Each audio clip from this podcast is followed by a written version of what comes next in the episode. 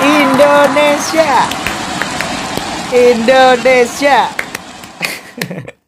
Saya kangen fangen-fangen Indonesia pada saat mensupport nih atlet-atlet Indonesia dalam ajang perlombaan bulu tangkis biasanya diselenggarakan di Istora Senayan yang jadi venue neraka nih bagi orang-orang yang sedang berlomba di sana karena supporter Indonesia yang sangat luar biasa.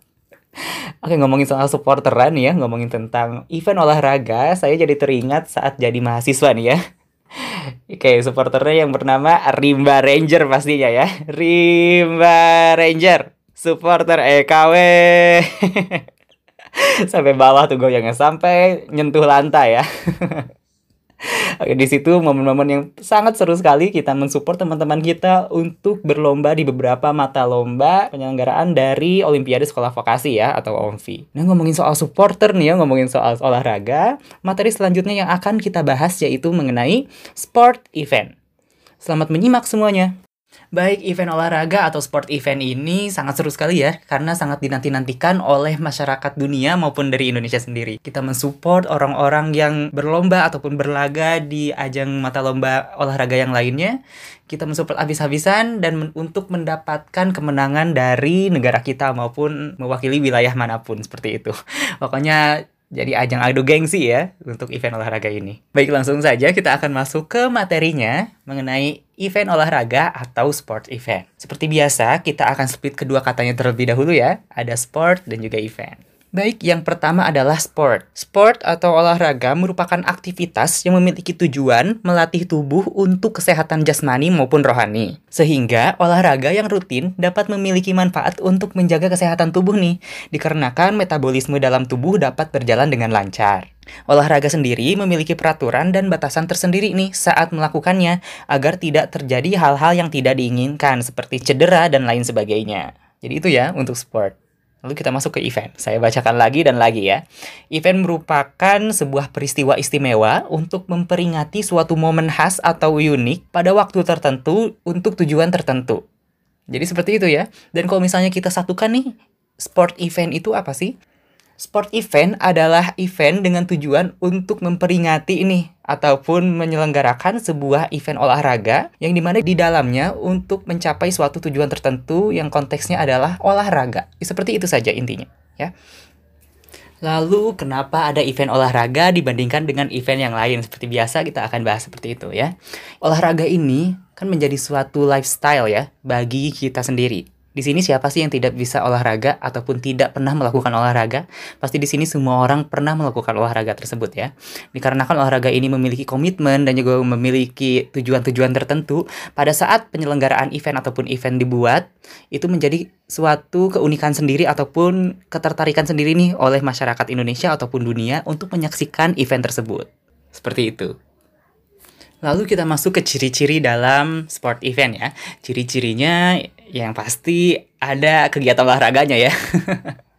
ada kegiatan olahraganya, misalnya ada mata lomba apa, berarti ya itu yang ditujukannya. Misalnya ada lomba badminton, berarti bentuk olahraganya adalah badminton. Lalu yang kedua misalnya ada supporter ataupun pendukung dalam penyelenggaraan olahraganya. Lalu yang ketiga itu misalnya ada stakeholder seperti event organizer dan lain sebagainya. Jadi mungkin itu saja. Jadi teman-teman silahkan literatur sendiri ya. Saya rasa teman-teman juga paham untuk ciri-ciri dari event olahraga ini. Lalu kita bahas mengenai batasan sport event ya. Batasan dari sport event ini kita lihat dari pengertian olahraganya tersendiri, yaitu untuk meningkatkan metabolisme dari segi jasmani dan juga rohani. Jadi tidak hanya melakukan kegiatan fisik ya, tapi ada untuk menyehatkan jasmani dan juga rohaninya. Jadi kalau misalnya olahraga yang tidak menggunakan fisik tapi tujuannya untuk kesehatan jasmani dan juga rohani itu bisa dikatakan sebagai olahraga. Seperti itu ya. Saya rasa teman-teman juga sudah pernah menjadi penyelenggara dalam sebuah event olahraga nih ya. Baik penyelenggara maupun menjadi atlet dalam olahraga tersebut. Misalnya seperti ini di ekowisata, teman-teman pernah menyelenggarakan OMATA, Olimpiade Mahasiswa Ekowisata ya. Biasanya mata lombanya itu ada futsal dan juga e-sport ya biasanya. Dan juga badminton kalau misalnya ada dana lebih. Nah, di situ kan teman-teman menjadi event organizer nih, contohnya ya, menjadi event organizer dan juga penyelenggaraan dari sebuah event tersebut. Dan juga saya rasa teman-teman sudah paham nih event olahraga itu bentuknya yang seperti apa. Tapi di sini kita akan lebih bahas bagaimana sih manajemen dalam sebuah event olahraga tersebut. Silahkan disiapkan catatannya, kita akan langsung masuk ke materi dalam manajemen eventnya. Untuk memudahkan teman-teman, saya akan memberikan beberapa contoh dalam event olahraga ini. Yang paling gampang deh kita ambil contoh OMVI ya, Olimpiade Mahasiswa Sekolah Vokasi. Lalu ada Agustusan. Nah, Agustusan agak sedikit membingungkan nih. Agustusan itu termasuk ke dalam olahraga atau permainan. Nah, kita akan bahas ya langsung. Baik, lalu apa perbedaannya nih olahraga dengan permainan? Satu contohnya tadi ya Agustusan. Kita lihat dari pengertiannya. Kalau permainan itu kan bentuk aktivitas yang menyenangkan atau pleasure ya, yang dilakukan semata-mata untuk aktivitas itu sendiri, bukan karena ingin memperoleh sesuatu yang dihasilkan dari aktivitas tersebut. Nah, jadi permainan itu tujuannya untuk mendapatkan kesenangan ya. Beda halnya dengan olahraga. Kalau olahraga aktivitas yang memiliki tujuan melatih tubuh untuk kesehatan jasmani dan juga rohani ini. Jadi tujuannya berbeda ya. Permainan untuk kesenangan, lalu olahraga itu untuk kesehatan jasmani maupun rohani seperti itu. Nah, kalau misalnya kita lihat dari pengertiannya, Agustusan ini termasuk ke mana dong? Nah, Agustusan ini termasuk ke dalam permainan. Walaupun melibatkan jasmani dan juga rohani, Agustusan ini termasuk ke dalam permainan. Karena di Agustusan tersebut memiliki tujuan untuk bersenang-senang, mendapatkan kesenangan seperti itu ya. Misalnya panjat pinang nih ya. Panjat pinang kan berusaha untuk mencapai tujuan tertentu nih, gotong royong untuk mendapatkan hadiah yang ada di atasnya seperti itu ya. Jadi teman-teman jangan sampai keliru dalam mengelompokkan event-event ini permainan atau ini event olahraga. Kita lihat lagi dari tujuan utamanya dan juga dari pengertiannya. Permainan itu untuk kesenangan, lalu olahraga itu untuk meningkatkan kesehatan jasmani dan juga rohani seperti itu. Mudah ya? Kesehatan jasmani dan juga rohani. Kira-kira misalnya ada jasmani ya. Jasmani berarti melibatkan fisik biasanya banyak ya kegiatan olahraganya seperti futsal, lempar lembing dan lain sebagainya, aerobik dan lain sebagainya ya. Pokoknya banyak sekali seperti itu. Lalu yang rohani ini yang seperti apa nih? Misalnya meditasi, lalu yoga dan lain sebagainya banyak ya. Pokoknya teman-teman silahkan analisis sendiri. Lalu bagaimana dengan olahraga e-sport misalnya? Apakah itu termasuk ke dalam olahraga atau termasuk ke dalam permainan? Ya, kenapa e-sport itu dikatakan sebagai sport, electronic sport seperti games dan lain sebagainya? Nah, teman-teman silahkan analisis lagi tujuan utamanya. Bila tujuan utamanya untuk kesenangan, berarti itu adalah permainan. Kalau misalnya teman-teman analisisnya untuk meningkatkan kesehatan jasmani dan juga rohani atau meningkatkan daya pikir atau yang lain sebagainya berarti itu termasuk ke dalam sport event. Seperti itu ya. Jadi analisisnya lebih dalam nih teman-teman. Tidak boleh asal-asalan, tapi ini termasuk ke dalam permainan atau event olahraga. Seperti itu ya. Baik, lalu teman-teman pada saat penugasan nantinya nih ya, misalnya teman-teman ingin menganalisis sebuah event. Di analisisnya itu harus dari satu rangkaian sebuah event tersebut, bukan per mata lomba. Ya, misalnya seperti ini, event OMVI berarti harus dianalisisnya berarti OMVI-nya bukan si mata lombanya. Lalu misalnya si games ya berarti si event si gamesnya bukan dari mata lombanya. Tidak seperti ini misalnya badminton dalam si games misalnya tidak seperti itu tapi dalam cakupan satu event yang besarnya. Mengerti ya? Beda halnya seperti ini. Misalnya Indonesian Open 2019 itu kan berarti hanya badminton saja. Berarti analisisnya hanya badminton saja. Paham ya? Baik, kalau sudah paham, kita kembali ke contoh yang pertama ya. Ada Olimpiade Sekolah Vokasi dari IPB, atau biasa kita sebut sebagai OMVI. Nah, kita masuk ke latar belakang nih. Latar belakang terbentuknya sebuah event olahraga bernama OMVI ini yaitu melihat dari segi minat mahasiswa yang banyak sekali minat di bidang olahraga seperti itu. Lalu merupakan sebagai program kerja tahunan dari BEM misalnya ataupun organisasi yang menyelenggarakan si Olimpiade Sekolah Vokasi itu uh, melihat sebagai ajang kompetisi antar program studi misalnya seperti itu dan lain sebagainya masih banyak lagi. Jadi latar belakang itu bagaimana sih si event tersebut kenapa bisa diselenggarakan. Jadi itu ya untuk latar belakang itu.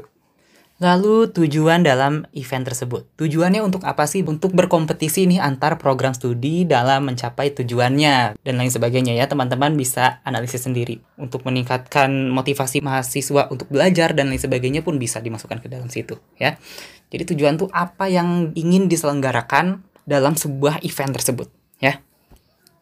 Selanjutnya adalah manfaat. Jadi manfaat ini apa sih yang didapatkan setelah penyelenggaraan event tersebut? Misalnya jasmani menjadi lebih segar ataupun rohaninya jadi lebih melek gitu dan lain sebagainya silahkan analisis sendiri ya.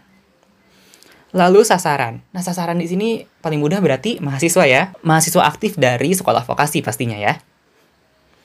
Lalu durasi, nah durasinya kapan diselenggarakannya ya? Misalnya beberapa hari ataupun beberapa bulan dan lain sebagainya. Silahkan durasinya disertakan di situ. Lalu cakupan, berarti cakupannya ini bisa dikatakan sebagai cakupan yang besar dikarenakan cakupannya mencakup satu departemen malah vokasi ya Lalu rangkaian acara. Nah, rangkaian acaranya tersendiri ini teman-teman silahkan sebutkan satu persatu. Misalnya dari opening nih dari pembukaan sampai teman-teman nanti closing seperti itu ya. Misalnya pembukaannya kemarin kan seru sekali ya, ada penampilan-penampilan dan lain sebagainya dan juga kita latihan chance untuk mendukung sekolah vokasi di olimpiade mahasiswa IPB di OMI ya, seperti itu. Jadi teman-teman silahkan analisis sendiri nih rangkaian acaranya seperti apa dari hari pertama hingga hari akhir penutupan acaranya, seperti itu. Lalu pihak yang terlibat, di sini pihak yang terlibatnya siapa saja sih? Misalnya ada anggota BEM, lalu ada stakeholder yang lain, misalnya bekerja sama dengan soccer, lalu bekerja sama dengan beberapa brand dan juga stakeholder yang lainnya. Silahkan teman-teman analisis sendiri. Jadi lebih spesifik nih membahas ke situ ya. Jangan jangan seperti ini. Misalnya pihak yang terlibatnya adalah mahasiswa. Ya tidak seperti itu ya. Tapi apa nih bentuk dari si pihak penyelenggaranya seperti itu ya? Lalu ada sumber daya event Sumber daya event ini mudah ya kemarin juga sering saya sebutkan.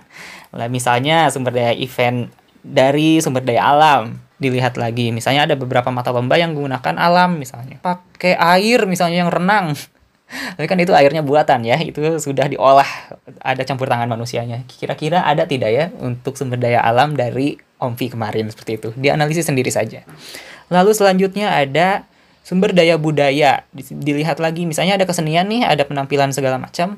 Kalau misalnya ada alur cerita dalam tema penyelenggaraannya bisa dimasukkan ke dalam budaya tersebut. Silahkan dianalisis sendiri saja. Lalu sumber daya manusia ya dilihat siapa saja sumber daya manusianya. Baik kita masuk ke dalam manajemen eventnya atau POAC plus E. Baik kita masuk ke dalam manajemen event. Yang pertama seperti biasa ada P ya planning. Dalam planning ini bagaimana sih perencanaan dalam sebuah event tersebut?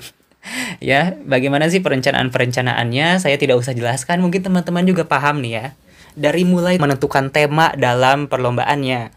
Menentukan temanya tidak menentukan tema perlombaan dalam permainannya, tetapi tema secara keseluruhan. Misalnya tema tahun ini membahas tentang kerajaan apa misalnya. Tema setiap tahun dalam penyelenggaraan OMPI kan berbeda-beda ya, jadi silahkan dianalisis sendiri. Lalu ada O atau organizing. Bagaimana sih fungsi pengorganisasiannya? Berarti divisi-divisinya nih pada saat penyelenggaraan event tersebut dilaksanakan. Berarti divisi ini memegang mata lomba ini, mata lomba ini ada divisi apa saja dan lain sebagainya. Berarti banyak sekali ya untuk organizing ini. Teman-teman silahkan analisis sangat dalam seperti itu, ya. Lalu ada actuating atau fungsi pelaksanaan. Bagaimana sih pelaksanaan event tersebut? Berarti sangat banyak sekali ya, teman-teman PR sekali. Tapi teman-teman harus bisa detail agar teman-teman mengerti ini dan juga mendapatkan nilai yang baik dari kami seperti itu. Teman-teman silahkan analisis lebih dalam actuating. Pada saat pelaksanaan event tersebut bagaimana sih? Ya. Lalu selanjutnya ada si controlling atau fungsi pengawasan. Nah, bagaimana sih pengawasan dalam sebuah event tersebut? Beberapa kali sudah saya sebutkan, jadi silahkan analisis lebih dalam saja. Ya, kalau lupa teman-teman silahkan dengarkan episode-episode sebelumnya mengenai cultural event ataupun private event. Hampir sama kok dalam perencanaannya. Konsepnya hampir sama, tetapi teman-teman pada saat menganalisisnya eventnya berbeda. Ya, Lalu yang terakhir ada I nih, atau evaluating. Untuk evaluating ini, teman-teman silahkan boleh nih mencari artikel-artikel ataupun ya event-event olahraga bagaimana sih tanggapannya saat sudah melaksanakan event tersebut. Mungkin dari artikel-artikel boleh, dari YouTube juga boleh. Mungkin dari YouTube lebih banyak ya, dikarenakan misalnya ada Indonesia Open 2019 misalnya, ada beberapa channel YouTube yang menyertakan pendapat mereka terhadap eventnya tersebut diselenggarakan. Jadi teman-teman silahkan cari evaluatingnya bagaimana ya. Baik, itu saja mungkin ya sangat singkat sekali teman-teman. Jadi silahkan analisis sendiri. Untuk olahraga berarti lihat lagi dari pengertiannya. Batasan-batasannya teman-teman silahkan dipahami dulu. Jangan sampai tertukar nih ya. Jangan sampai tertukar teman-teman pada saat menentukan materinya ataupun materi yang akan dibahas oleh teman-teman seperti itu. Misalnya event ini, aduh ini masuknya ke event olahraga nih sepertinya tapi di sini ada permainannya juga. Teman-teman silahkan argumen sendiri, harus lebih kuat argumennya. Karena permainan dan juga olahraga ini sangat berdekatan sekali. ya. Baik, itu saja yang dapat saya sampaikan. Teman-teman yang kangen Rimba Ranger nih, ayo kita seperteran kapan lagi nih. Baik, silahkan teman-teman analisis lebih dalam untuk tugasnya. Ini sangat mudah, asalkan teman-teman berpikir lebih dalam saja untuk menganalisisnya. Seperti biasa, bila teman-teman kebingungan, silahkan dicatat dulu saja. Nanti kita diskusikan melalui Zoom ataupun Google Meet di dalam kelas praktikum. Seperti itu ya. Selamat malam, selamat belajar, dan jangan lupa istirahat ya. Jaga kesehatan semuanya. Sampai jumpa di podcast selanjutnya.